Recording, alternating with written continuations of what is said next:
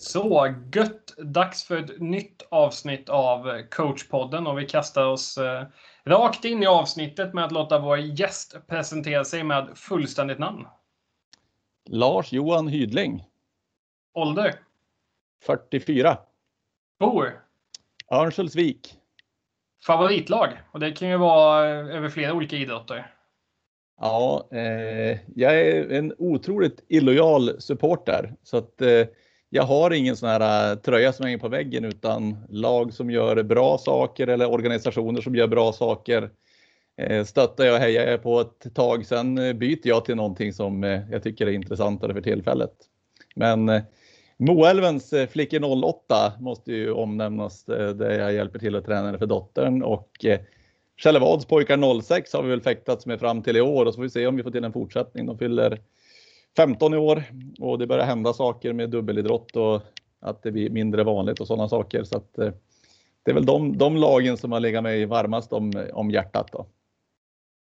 Om vi tänker din egen tränarresa som du har gjort här. Att, eh, vart började tränarkarriären och hur har den sett ut fram till idag?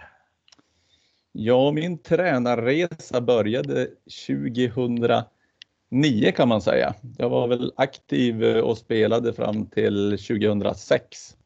Sen eh, eh, fick vi vårt första barn och då blev det ett uppehåll. Det blev ett husköp och lite grejer som eh, kom emellan där. Men då när jag var barnledig någon sväng där så då skulle man starta upp ett innebandygymnasium här i Örnsköldsvik. Och eh, lite granna enligt ett mönster som inte är enligt mig själv så att säga så, så ringde jag faktiskt och sa att det här jobbet borde jag passa bra för. Det här borde jag få. Men, men jag, jag fick ju inte det. Men då, eh, tre år senare, så då, eh, då fick jag frågan och då hoppade jag på det. Och i samband med det så klev jag även på då Örnsköldsviks damer som hade haft några säsonger med missade slutspel då med en gammal lagkamrat, Martin Olofsson, som tränade laget så jag hjälpte honom där. Eh, tog oss till slutspel och sen eh, året efter så eh, tappade vi himla massa spelare där. Eh, jag tror det försvann 220 elitseriepoäng någonting ur, ur truppen högst frukt. Så att, skulle försöka börja bygga någonting nytt.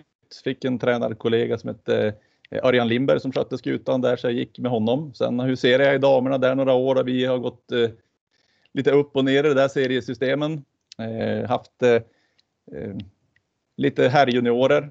Har hjälpt lite grann med, med herrlaget också, framförallt när det var kval från division 1 till allsvenskan. 2000 14 eh, fick jag frågan om att vara med och hjälpa till som coach kring U19-damerna då med Kotten och, och Lillis och gänget som var där då och så det vill jag givetvis haka på. Eh, och sen har jag eh, haft en massa olika roller i U19 damstaben fram till dagens datum där. Så att jag provar på att vara både scout och teammanager och assisterande förbundskapten och, och nu då förbundskapten tillsammans med Camilla Granelid. Så det är väl en, en kort version av en resa från 2009. Kort och saklig, det var, det var fint redogjort där. Men om du får välja ut någon eh, favoritmatch eller någon, eh, någon tillställning som har stuckit ut lite extra? Ja, det är ju alla de här eh, mästerskapen och det vi spelat har ju varit liksom speciella tillställningar. Allt från den här lilla Eh, Eh, polska byn som var ju extremt stolt att få arrangera ett, eh, ett VM 2014 där eh, det var borgmästare på plats och det var ett himla ståhej och en riktigt mäktig parad faktiskt. Det hela den här byn eller samhället slet upp så där så var det ju, det var en häftig tillställning och, och fick vara med och vinna ett, ett guld där tillsammans med med det gänget jättehäftigt. 2016 en eh, jättehäftig resa i, i Kanada eh, med allt eh, alla kanadensiska inslag som fanns där till de tv-sändningar de hade med eh, NHL-kommentatorer som det var som one-timers och hit the crossbar och scored a hattrick yesterday. Det var eh, jättehäftigt. Eh, till den här senaste resan då i, i Schweiz så eh, alla de resorna tycker jag var häftiga. Och ska jag ta någon egen favoritmatch så är det faktiskt eh, innebanden om man spelar själv där vi spelade då DM-final eh, här uppe i Örnsköldsvik och det var något som kallas för busskuppen och det var lite prispengar och grejer inblandat och just då så spelade ett division 2 eller division 3 lag här i stan. Eh, och ÖSK då, som var det bästa laget här just då, de var inte med i det där DMet. Men då kom Sundsvall upp som var som serie konkurrent till Övik och skulle hämta prispengarna. De tog liksom hyrde en buss upp, skulle ta med sig prispengarna hem. Och det här är ju 25 år sedan så att jag vet inte vad 20-25 000 motsvarar idag, men det var ju som, ja men eh, det var ju en schysst deal att åka upp och ta med sig prispengarna hem. Men eh, då spöade vi dem i finalen där med 4-2. Det var ju lite orimligt att eh, vi skulle göra det, men vi gjorde det i alla fall och gjorde faktiskt en himla bra match. Det var så härligt att det, på stämningen på uppvärmningen så kände man att men, eh, vi ska hämta hem det här. Va, liksom. Jag såg att de var inte på tå riktigt sådär. Sen eh, ju längre matchen gick, ju mer på tå blev de och ju mer desperat blev de. Men vi höll undan. Så det var en riktigt skön seger faktiskt. Måste bara backa till den här eh, U19-turneringen i Polen. Var det inte den som låg, eh, det var som du sa en liten, liten by, men var inte logistiken för att ta sig dit var väl liksom var långt som attan ut på polska landsbygden. Det var liksom inte inne i någon stad direkt. Nej, vi hade den resan hade vi något läger i Malmö innan och så åkte vi buss ner så att tappa lite orienteringen. Vi åkte buss i, jag kommer inte ihåg hur många timmar för att komma dit, men det var Spanskyn hette det med stor reservation för uttalet där. Men jag får för mig att det uttalades så. Nej, men det var riktigt häftigt just det här. Det är alltid häftigt med engagemang och en stolthet för att göra saker. Det fanns ju verkligen där för att arrangera något, eh, något läckert. Så, så det var en jätterolig resa att vara med på. Så men eh, alla de här resorna var, det, var det jättehäftiga måste jag säga. Vi ska ge oss in på en eh, en delikat fråga som eh, den är väl i stort sett omöjlig kanske att svara på, men vi ska ändå göra ett försök. Att du ska få försöka definiera en riktigt bra innebandyspelare, hur den ser ut för dig, liksom sett till egenskaper. Vad tänker du, vad tänker du då? En, en riktigt bra spelare har ju till att börja med, tycker jag, ett, ett brinn och en passion för det den gör. Sen kan man ju ha en massa färdigheter som man är duktig på. Man kan ju vara duktig på att stoppa bollar i nätet. Man kan vara duktig på att spela fram andra, sätta andra i, i bra lägen. Man kan vara en, en grym tvåvägsspelare och ett hjärta i laget och man kan vara en eh, kanongrym försvarsspelare. Eh, och någonstans nu så går ju utvecklingen så att man behöver kunna fler och fler saker för att vara en bra spelare. Så att gärna med en, en, en tydlig spets men också en, eh, vad ska man säga, en bredd utav kunskaper. Eh, det är väl det närmsta svaret på frågan jag kan, eh, kan komma känner jag. Ja, jag tycker det var ett klokt svar så att eh, det betraktar vi som väl godkänt. Men eh, om man då vill bli en sån spelare, man kanske, man kanske inte riktigt är där idag. Om, har du något tips på hur man ska träna för att kunna bli en sån? Jag tror man ska vara rädd om sina, sina spetsegenskaper eller eh, som jag diskuterade med någon, en kamrat här nu, liksom en, han säger det USP, unique selling point. Att har man någonting som man är särdeles duktig på så ska man ju fortsätta att odla och vara duktig på det. Men man får heller inte vara blyg för att utöka sin repertoar och faktiskt träna på saker som gör att man, man blir bredare i det man, det man gör. så. Men var rädd om den spets man har och, och var stolt över den. Och det man gör då kommer ju förmodligen hjälpa ens lag att göra bra prestationer.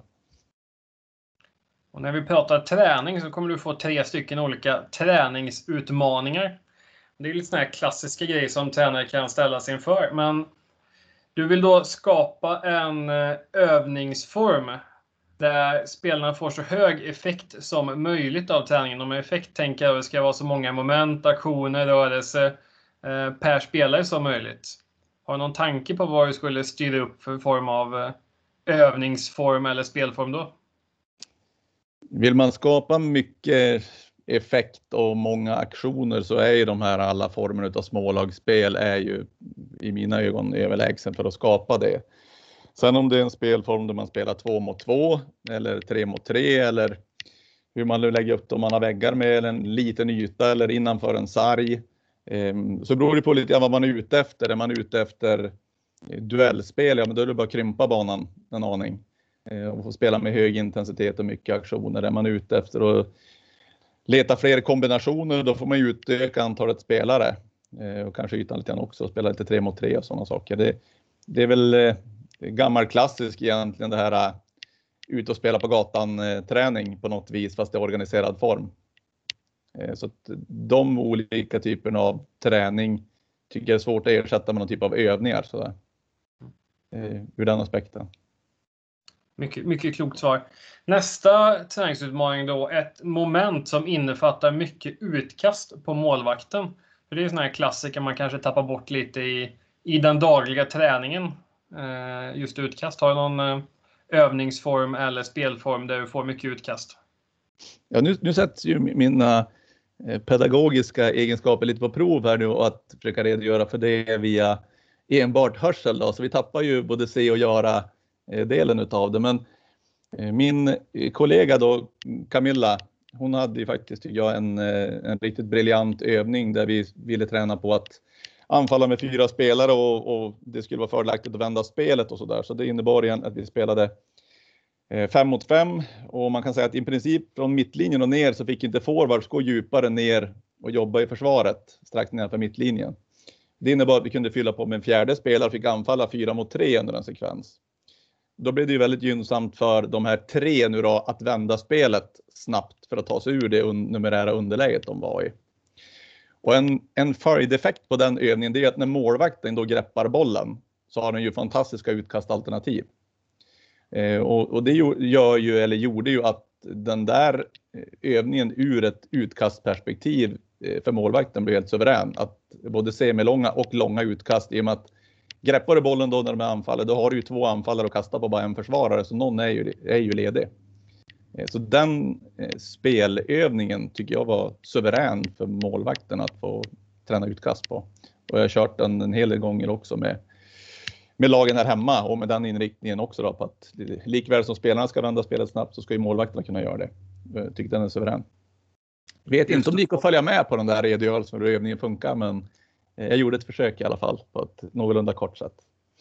Jag, jag hängde med i alla fall. Det, har man fått mig att förstå så brukar man ju ha kommit en bra bit på vägen i alla fall. Ja. Men jag tycker också det är väldigt intressant det här med att du får så pass matchlikt utkast.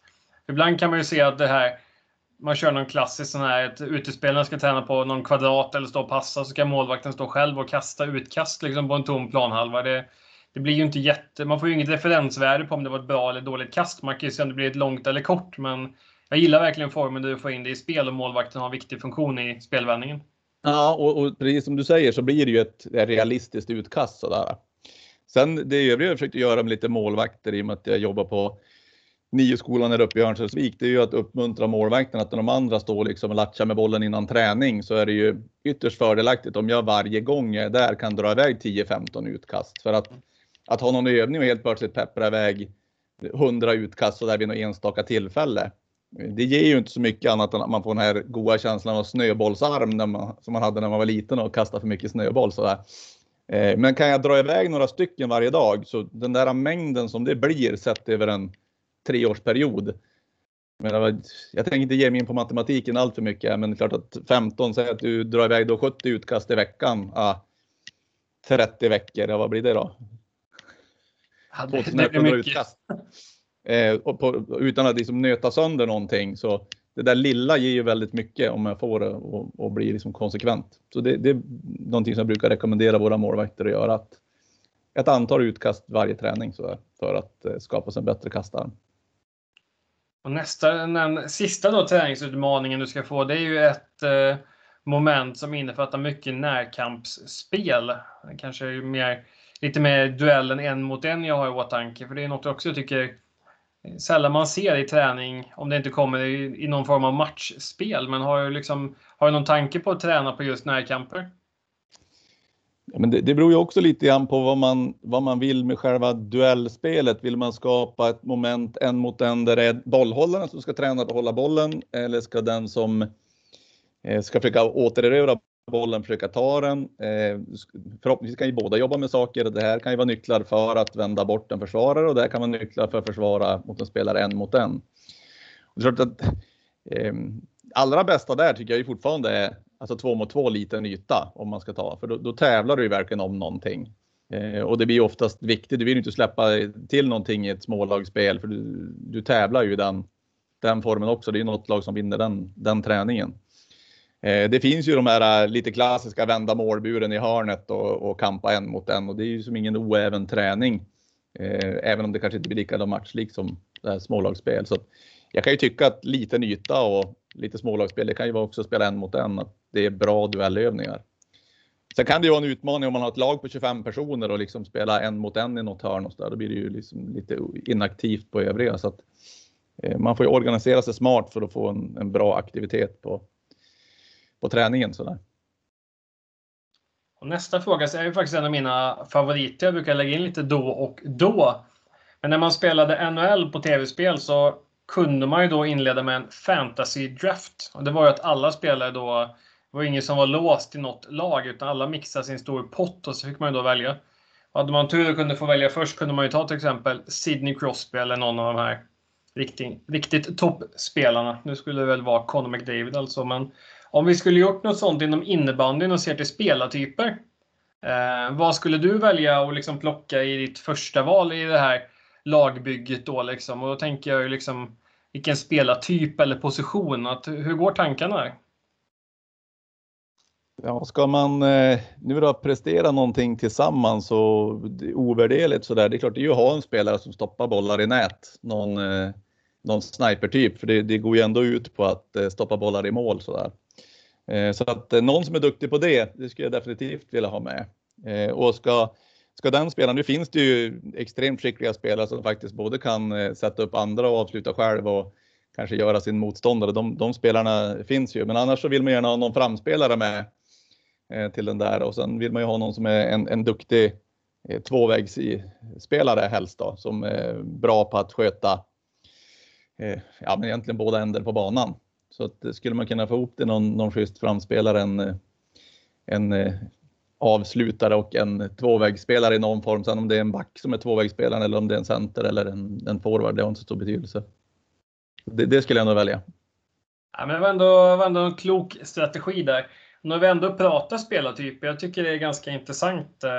Finns det någon spelartyp du tycker saknas eller att det finns för få av inom eh, innebandy generellt? Det behöver inte bara vara i Sverige utan eh, typ överlag.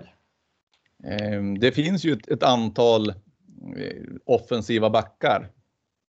Ehm, men eh, det, det, tycker jag inte att vi gödslar med och kanske då framförallt inom daminnebandyn, spelare som verkligen vågar följa med upp i anfallen och så, så att lite så här Emil Johansson typer skulle vi ju jättegärna få ha, ha fler utav.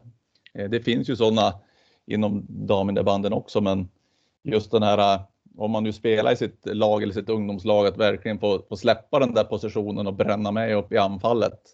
Och så får ju någon annan hjälpa till att täcka upp för det. Då. Det, det tror jag skulle utveckla både spelarna och, och innebandyn som sport, att vi verkligen släpper lös alla kreativa krafter framförallt offensivt sådär. Så att, eh, lite fler, två, kan man kalla, vad kallar man det för då? Offensiva backar, tvåvägsbackar. Jag vet inte, vi har någon Men tvåvägsbackar är ju en bra benämning för man vill ju inte ja. heller att de ska vara liksom helt oövna defensivt. Nej, någon, någon vassa tvåvägsbackar som verkligen vågar fylla på i anfallen och komma med som en fjärde anfallare. Eh, det tycker jag vi kan ha fler av. Och när vi ändå är inne och pratar spelartyper och lagbygge och det här att om man då får välja mellan två ytterligheter. Skulle du vilja ha ett lag med tre relativt jämna formationer som har liksom hyfsat hög kompetens offensivt, defensivt och liksom ja, ett ganska jämnt lag? Eller skulle du föredra ett lag med lite mer kanske spets i första femma som står för mycket poäng och kanske lite mer en hårt jobbande tredje femma och en andra femma som löser lite av varje. Liksom, men det ändå är ganska tydlig spets. Att det, det finns en första femma som är liksom dominanta. Vad skulle du föredra om du får, måste välja det ena framför det andra? Jag måste alltså välja här. Mm. eh, ja, eh, någonstans så sätter ju förutsättningarna, vilka, vilka typer av spelare man har att tillgå, lite grann ramarna för vad man kan skapa. Eh, och om, om jag går till eh, lite grann vårt senaste mästerskap, det tyckte ju vi att vi hade tre första femmor liksom som alla kunde leverera och någonstans så det, det, det spännande i den där eh, konstellationen var att de vi stoppade in som första femma i matchen, de levererade mest poäng i matchen. Och då börjar man ju fundera lite grann hur pass stor psykologisk effekt har det att gå som första femma jämfört med tredje femma. Så att om jag, om jag tar siffror lite så var det en enhet som gjorde 46 poäng, en gjorde 45 poäng och en gjorde 37 poäng. Eh, och då var det lite beroende av faktiskt vilka som fick gå som första femma. Och det rimliga har ju egentligen varit att de som går som tredje femma kanske får möta svagare motstånd i motståndarlaget. Men så vi, vi skapar ju någon slags djur där med, med kuggar att alla de här femmorna är lika viktiga. Sen har man ju inte alltid förutsättningar att bygga ett sådant lag, men eh, det hade vi ju då. Så att eh, tre första femmor med, med, eh, med en schysst hierarki. Ja, det var ju ett himla lyx att ha så. Då. Jag ser väl lite, lite risker med att ha en sån här jättetydlig första femma om det, om det är så att de inte får stämma i spelet. Okej, okay, vilka ska in och hjälpa till då? Så då vill jag ju ha ett lite jämnare lag än, än så om jag får, får välja. Eh, men jag har absolut ingenting emot att man har femmer som kanske gör ett annat jobb på banan eller en, jag ska kalla det för en checking line eller en, en energilina eller vad det nu är. Så att, eh, det är lite vad, för, vad man har för förutsättningar, så där, vad man kan skapa. Nu har jag väl svävat iväg lite grann från det här jag var tvungen att välja på, men eh, jag tycker du valde klokt där med tre första femmor. Det blir ju ett jämnt lag liksom. ja. Så att det, nej, det, var, det, var ett, det var en klok tolkning på, på en svår fråga. Ja, alltså det, och, om man tittar på den, den här verksamheten som, vi, som jag nu håller på med nu, så där ser ju förutsättningarna olika ut från år till år. Och vi har ju spelarna i max ett och ett halvt år och sen så börjar man bygga någonting nytt och då får man titta, okej, okay, vad har vi på den, med oss på den här resan och hur kan vi formera oss för att få ut så mycket som möjligt av den här gruppen? För det har ju sett extremt olika ut genom de här tre resorna vi har, eller som jag har fått vara med på hittills. Har ju lagen sett eh, ganska olika ut. Så. Om man då tänker det uppdraget, det är ju liksom väldigt spännande med med junioruppdrag och landslag och sånt där just när det blir att det är så stor spelomsättning. Men har ni en hyfsat snarlik modell eller liksom startar man på noll med varje lag och får titta och bygga modellen utifrån spelarna? Eller liksom, finns det liksom en mall att så här vill vi jobba? Liksom, eller hur, hur ser det ut där?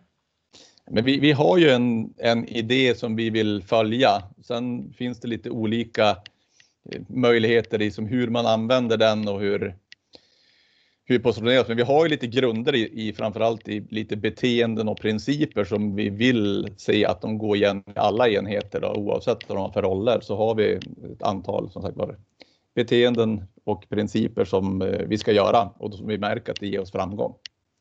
Eh, och, och de eh, har vi som inte tumma på utan har man några få grejer som att de här vill, vill man hålla på då, då brukar det kunna bli ganska bra resultat i slutändan eller en bra prestation utav det. Eh, Kommer man... Men, Nej, fortsätt, fortsätt. Nej, men det är ju alltid det är en utmaning varje gång att eh, nu, nu, nu, nu parallellföljer man ju till viss del de här årskullarna. Att någonstans från eh, distriktslags-SM, Eh, då är det ju något år kvar tills de är där, så börjar man ju följa dem och sen får man ju se dem i olika juniorserier och en del börjar spela seniorspel och några spelar i allsvenskan och några hintar steget upp till SSL. Så man hinner ju följa dem under en det är en häftig resa att eh, få börja och följa dem på ett STFS. Att de står där som sista års eh, juniorer och, och förhoppningsvis då få eh, och sen ska de ut och flyga som seniorer på heltid där. Då. Jag tänker just kring den här spelsystemsfrågan där liksom. Hur, hur viktigt är ett bra spelsystem för dig och vad, hur skulle du definiera liksom begreppet spelsystem? Vad innebär det för dig? Spelsystem för mig det är ju att vi gör saker som vi har kommit överens om och att eh, alla följer den, eh, de grundtankarna. Eh, sen måste det finnas möjlighet att utifrån sina egna skills kunna bryta det där mönstret. Men jag menar ju på att ska man kunna bryta ett mönster måste jag först kunna följa ett. Annars har jag ju varit vilse från början. Så för att bryta ett mönster måste jag kunna ett mönster. Det, det är vad min logik säger sådär. Ehm, så att, eh, vad ska man säga? Ja, men vi jobbar med, med en del nycklar i, i, i våra beteenden. Sen kommer det se lite olika ut om man använder det i respektive enhet. Vi har egentligen en, en grund som gör att vi kan vara ganska flexibel. Så jag vill någonstans försöka ta de godaste bitarna ur de här eh, spelsystemen för att kunna både pressa högt och kanske styra motstånd och försvara oss länge banan. Och någonstans har våran nyckel hela tiden varit tid. Hur köper vi oss så mycket tid som möjligt med bollen och hur begränsar vi motståndarnas tid? Eh, så ska jag enkelt beskriva ett spelsystem så ska vi tjäna tid eller begränsa tid. Det är ett bra spelsystem för mig. Sen sifferkombinationen för det är inte lika intressant. Vad är då största utmaningen tycker du liksom, när man ska jobba, sätta i spelsystem med ett nytt lag? Ja, det kan ju vara lite grann eh, spelarnas bakgrund. Kan det vara vad de, vad de är vana att göra. Eh,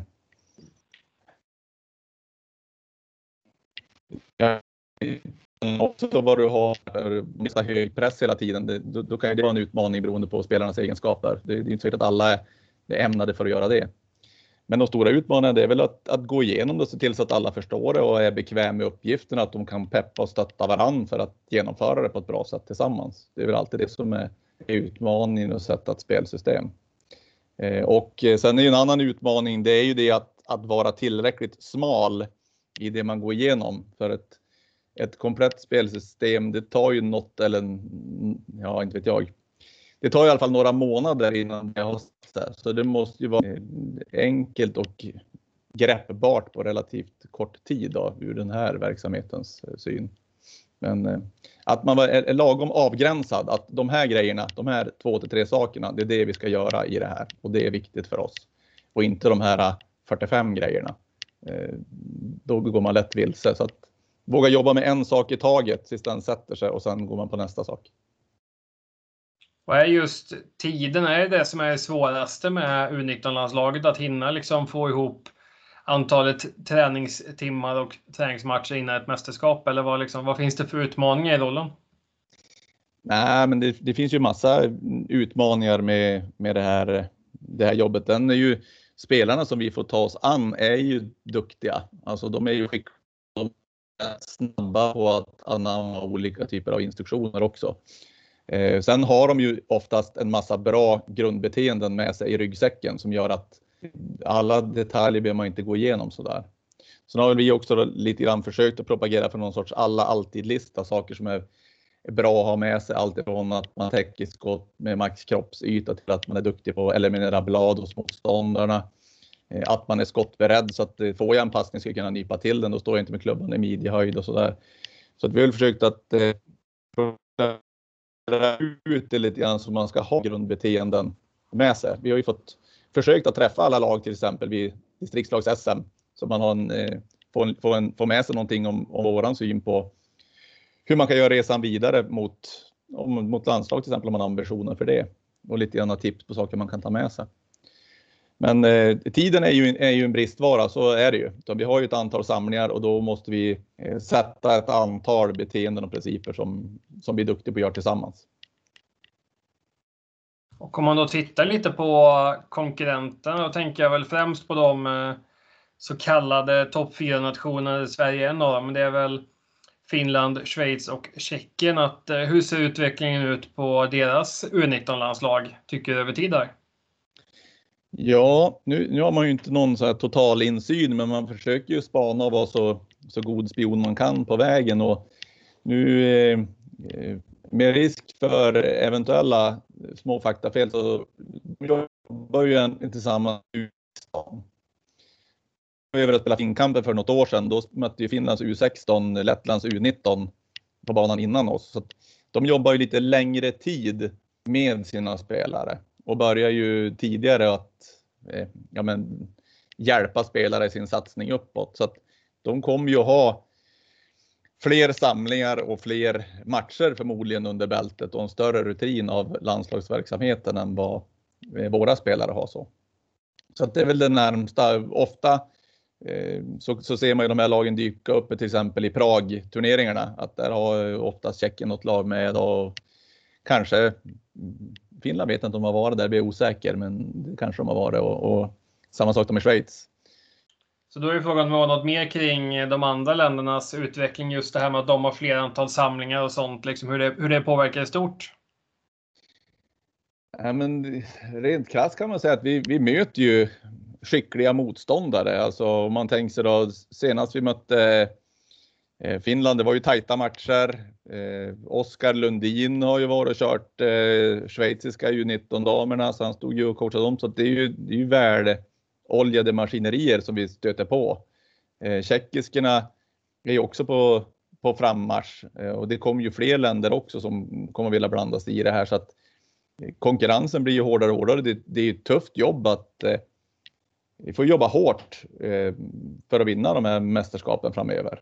Och, och det hoppas vi att både spelare och klubbar och, och ledare och alla att vi är beredda att jobba tillsammans för att fortsätta vara framgångsrika på, på ungdomssidan, på damsidan här.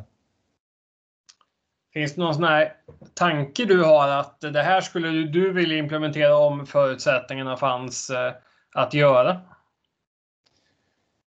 Det är ju, det är ju lurigt det där, för vi har ju en, eh, en, en stark eh, svensk modell, så det är ju, det är ju frågan också. Men, men vi måste ju också vara alerta på att titta, vad, ha en omvärldsbevakning och se vad, vad gör andra och vad får det för resultat och så där med sig. Men eh, det finns ju alltid en risk att börja för tidigt med någon slags selektering i de här formerna också, att man kanske tappar bort spelare på vägen.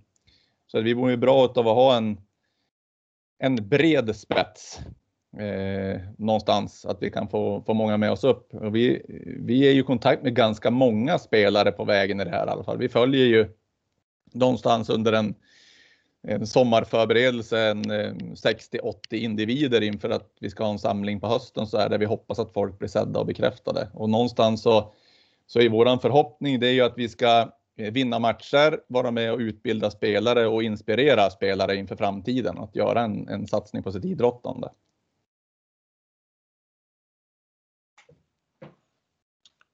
Och tänker man då liksom eh, spelmässigt, vad är visionen med, eh, med landslaget? Ja, det är klart att eh, man vill ha bollen extremt mycket. Man vill spela en, en fartfylld eh, och anfallsinriktad eh, innebandy. Eh, sen är det ju, måste vi alltid ta hänsyn till vad, vad förutsättningarna tillåter någonstans. Vad är det vi möter?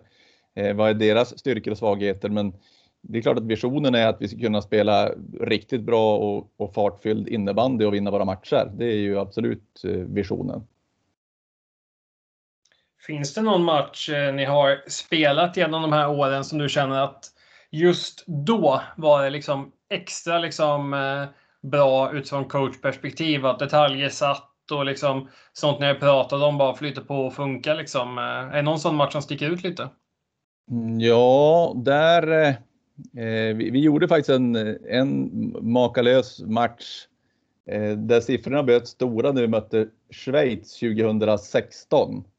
Och vi höll nollan och jag kommer inte ihåg, vi gjorde många mål framåt. Den, den matchen var väldigt få eh, konstigheter ur ett coachperspektiv. Sen vill jag också slå ett slag för eh, VM-finalen 2018 där jag tror att vi släpper bara sju eller åtta skott mot mål och spelar en riktigt bra anfallsinnebandy egentligen genom hela matchen. Där tycker jag vi är otroligt konsekventa det vi gör.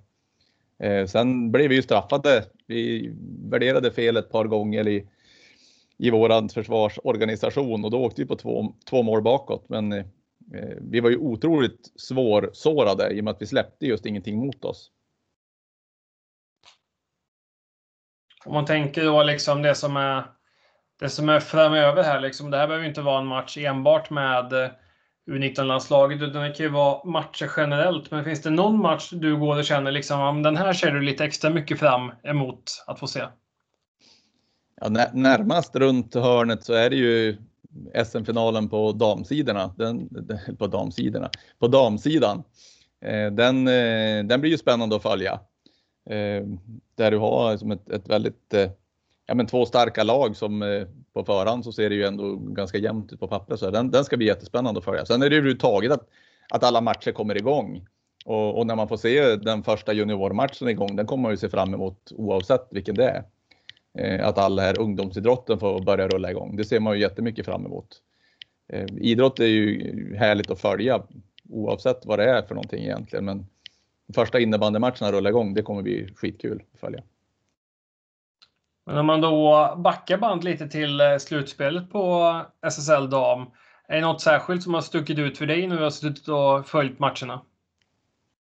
Ja, det som väl har stuckit ut är väl att eh, jag tycker att de här matchvinnarna har gjort ett, ett stort, vad säger man, haft en stor påverkan på, på matchernas utgång. Att det är ett antal spelare som har tagit för sig och, och tippat matcherna i, i, i, rätt riktning för sina lag och de har haft en himla stor betydelse hittills. eh, lite mer tycker jag på något vis än, att, eh, än, än förut. Att det är en, en del matchvinnartyper som har Ja, de har, de har, det har stuckit ut att de har, det är verkligen ett, ett antal spelare som har varit med och avgjort matcherna. Det tycker jag sticker ut.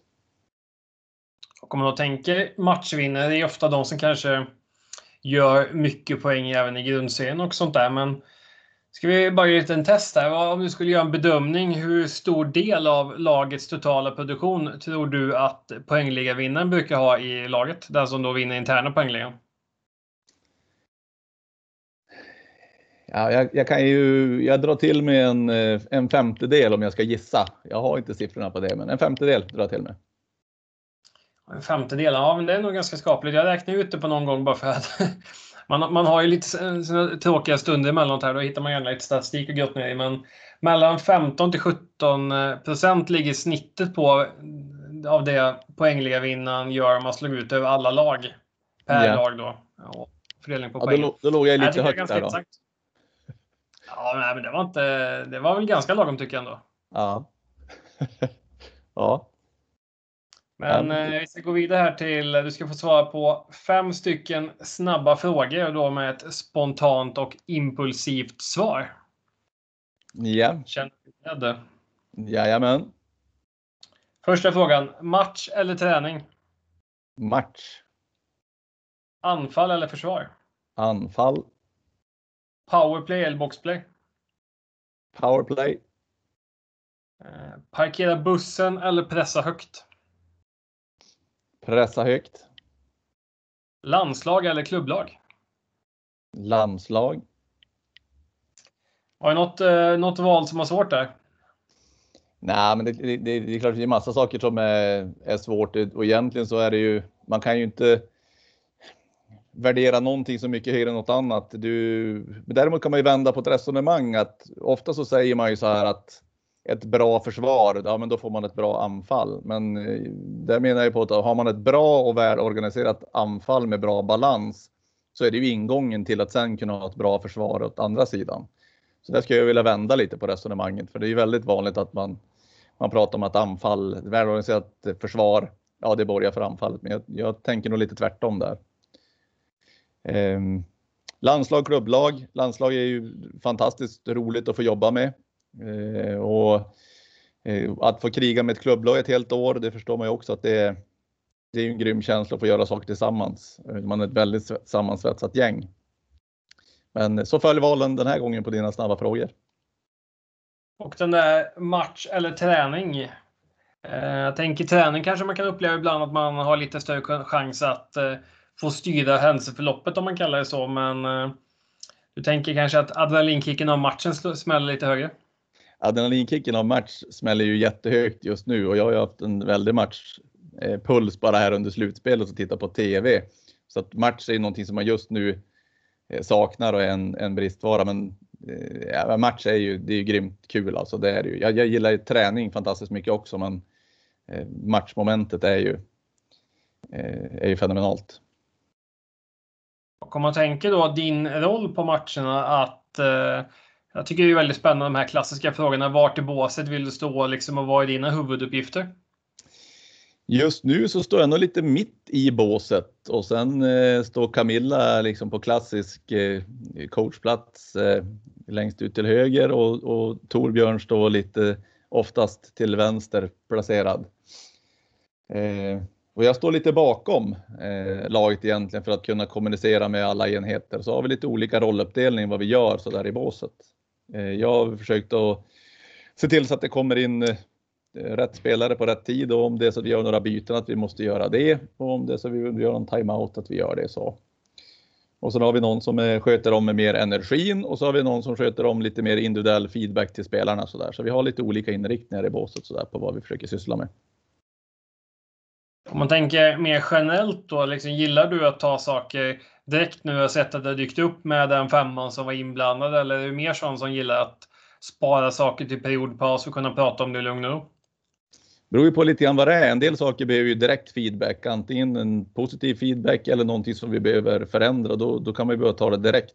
Är det någonting som vi kan rätta till som man känner har inte eller som kan göra oss fördelar som kanske inte är akut för stunden så kan det ibland få vänta till periodpaus. Så det är nog väldigt olika. Vad, vad, skulle en sån här klassisk sak kunna vara som du känner att det här behöver ni åtgärda direkt för annars så kommer det liksom, det får inte hända igen? Har du något sånt exempel? Ja, det skulle ju kunna vara ett, ett missat eh, hemjobb, en missad backchecking eller en eller att vi har missat till exempel att få in spelare på kassan i vårt skottläge. Eh, det behöver vi rätta till för det vill vi ha antingen för att skymma målvakten eller kunna slå in en retur. Eh, så det är väl två saker som man skulle vilja korrigera direkt om det händer. Det finns ju fler exempel på saker man vill korrigera. Så det kan ju vara markering, ligga tillräckligt nära eller någon yta som vi tappar som man känner att den, den där blir viktig för oss för att kunna hävda oss i nästa byte. Då, då vill man ju rätta till det direkt. Och du nämnde ju lite här tidigare just att ni har liksom vissa saker som ni vill jobba med och är noga med. Liksom. Men med tanke på att spelarna oftast är så pass gröna i sammanhanget får man jobba mycket med liksom förstärka och bekräfta de sakerna jag pratade om innan på ett annat sätt än om man har jobbat med, med ett klubblag över tid. Upplever du att det är stor, att man får jobba mycket liksom med det kortsiktiga? Någonstans så måste ju spelarna måste ju få landa i den här miljön och lite olika. Jag menar, det kommer ju se annorlunda ut när vi spelar våran första landskamp eller när vi spelar våran sista. Så de måste ju få växa in i det här. De ska ju göra framförallt de saker som de är, är duktiga på i sina klubblag och vara trygg med att de är där för att de är duktiga på en massa saker redan. Sen kan det ju finnas eh, detaljer som, eh, som man kan eh, rätta till och, och, vissa saker går snabbt att rätta till och andra det, det krävs lite eh, att det kanske går någon till samling för att den detaljen ska liksom ploppa ner. Eh, så att, eh, tråkigt svar, men det ser ju också lite olika ut beroende på vad det är för situation och vad det är för individ. Sådär. En del saker går jättefort att rätta till och andra saker det kan ta lite tid. Eh, jag säger som jag brukar säga, jag tycker det är kloka svar. Eh, för mycket av innebandyn är ju faktiskt situationsanpassad och eh, unik för varje individ där, så att det är klokt. Och på tal om unika individer så ska vi få möjligheten att eh, sätta ihop en liten drömuppställning med förslagsvis då en målvakt och fem utespelare och sen någon eventuell ledarstab. Ja, Eh, då eh, gör vi väl så här då, ska vi börja eh, bak i planen och då tänkte jag lite grann så här att då tar vi eh, lite grann utav de här spelarna man har stött på i huvudsak. Men jag, jag kör en liten udda kombo kanske då. Eh, vi, börjar med, ja, vi börjar med en målvakt och då eh, stoppar jag in Lovisa Hedin i målet. Hon spelar i Thorengruppen nu. Jag tycker att hon hade en härlig tävlings instinkt och även på träning så kunde man se liksom att det helt plötsligt började mer eller mindre ryka ur hjälmen att hon var upprörd över någonting eller någon boll hon tyckte hon skulle ha tagit eller så där. Så hon var ett härligt tävlingsmind, mindset. Gjorde en grym turnering. Eh, ska vi ta backsidan då så, så tycker jag att en spelare som har lite av de här eh, kvaliteterna med att kunna både göra skillnad framåt och bakåt i banan så utav de spelare som vi har haft där så tycker jag Lisa Karlsson har sådana egenskaper. Så jag kan sätta henne på en högerback. Och för att få lite ytterligare offensiv eh, krydda så eh, och kanske slå ett slag för den där spelartypen då så stoppa Emil Johansson på vänsterbacken. Ja, men det var, det var ett häftigt backpar alltså. Ja, det, det, det, är ett ganska häftigt backpar och, och det är väl liksom, nu är Emil Johansson, han får stå för mixen där då, lite utifrån det vi pratade om tidigare. Eh, det stoppar eh, Ellen Rasmussen som center, eh, som är, tycker jag, en otroligt komplett spelare i, i många avseenden. En eh, jättebra lagkamrat, en, eh, en härlig energispridare och en fantastisk innebandyspelare. Eh, vi stoppar ut en eh, en avslutare på högerkanten, lite grann också utifrån formen här i slutspelet så är det svårt att inte stoppa dit Moa Gustafsson. Eh, så, så kan de ju avgöra eh, match i, nästan själv i den, den form hon är i nu. Grym spelare. Sen har vi en, en spelare då som man, man eh, som eh, vänsterforward som vi har kampats med, som jag ju aldrig haft något lag, men jag känner ändå att eh, jag måste plocka ut i det här sammanhanget och då stoppar jag ut eh, Vera Kauppi som eh, vänsterforward eh, i den där femman. Och jag vet inte hur mycket man behöver kommentera kring det. Jag tycker att det är en otroligt komplett spelare som kan avsluta själv, kan slå magiska mackor eller som kan göra sin spelare en mot en. Jag tycker att hon är otroligt skicklig spelare. Så det vore Lattjo att få ha henne på sitt lag en gång. Det är verkligen intressant för jag tänker med båda systrarna Kauppi att eh, de också utvecklar, jag tycker att de har utvecklat sitt spel ganska mycket i sista säsongen. Att Inledningsvis känns det som att de stod gärna ute på kanterna och skickade, letade diagonalen. Nu känns det som att de är väldigt mycket mer på att hitta instick just nära målet runt kassen och liksom blivit bättre på att komma in i den, den ytan. Jag tycker att de har varit eh, jobbiga att handlas med under flera år just det här att de är så mångsidiga och kan skicka bollen i luften och slå på volley och det är inte att det blir träff ibland utan prickar ju i princip alltid bollen och alltid mål lite oavsett hur de skickar bollarna till varandra. Så där är de ju um, otroligt skicklig. Så att de, de är ju svåra att ta bort och det är svårt att ta bort en sån där som, som Vera Kauppi som som jag sa, som kan både eh, avsluta, spela fram eller göra sin spelare så, så blir hon ju svårläst. Så att det där tycker jag hon är extremt skicklig. Så att det tror jag blir en, en, en Lattjo femma som eh, kan spela innebandy i, i båda ändar på plan, men eh, framförallt så kommer de ju parkera anfallszon.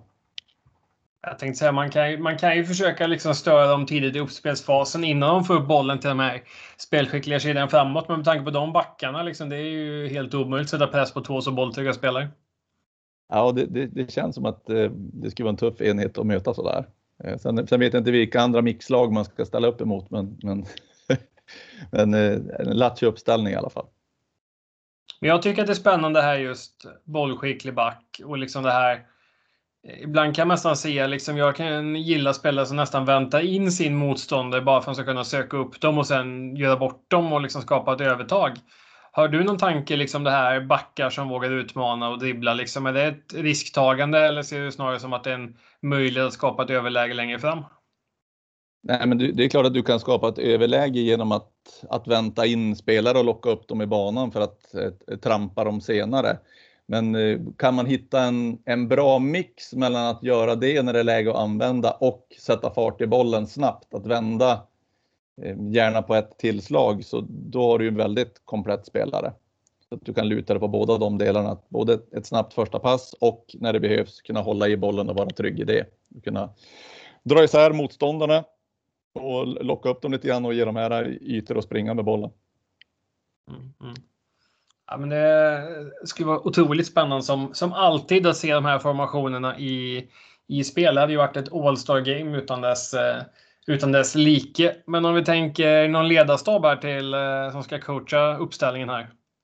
Ja, där, där, där kör vi ju den stab vi har kopplat till eh, U19 verksamheten nu, för jag tycker vi har ett, ett grymt gäng med, med många olika Eh, styrkor och egenskaper som vi kan använda för att göra ett bra jobb tillsammans. Så att, eh, eh den ledarstaben får eh, hänga på i, på det här giget också. Och hur ser den eh, ledarstaben ut då för de som inte är detaljinsatta? Ja, då är ju jag och Camilla Granelid förbundskaptener. Sen har vi Torbjörn Sjögren som är team manager. Vi har Fredrik Figge Olsson som eh, läktarcoach och vi har eh, Patrik Löfborg som scout. Och sen eh, har vi en eh, fantastiskt engagerad målvaktstränare i Pontus Boman som eh, egentligen spänner över två landslag. Han jobbar både med eh, damerna och med U19 damlandslaget. Och så har vi Malin Karlgren som våran sjukgymnast och så har vi Anneli Fredén som våran materialförvaltare som är det, det är bara grymma eh, filurer i våran stab. Och nu hoppas jag att jag inte tappar bort något namn här när man sitter och eh, bara pratar. Men eh, helt eh, men grymma individer är det. Eh, som är alltid jättekul att träffas och fantastiskt roligt att jobba med och utbyta idéer och erfarenheter. Ja, det låter som ett klokt val och en klok stab. Så att, eh, det var väl ett alldeles utmärkt eh, sammansatt eh, gäng. Och det är ju kul att ni även är sammansatt i verkligheten och inte bara i den här podden då. Nej, det, det väl, var väl det enda med den där konstellationen som, som, eh, som, som är realistisk att säga.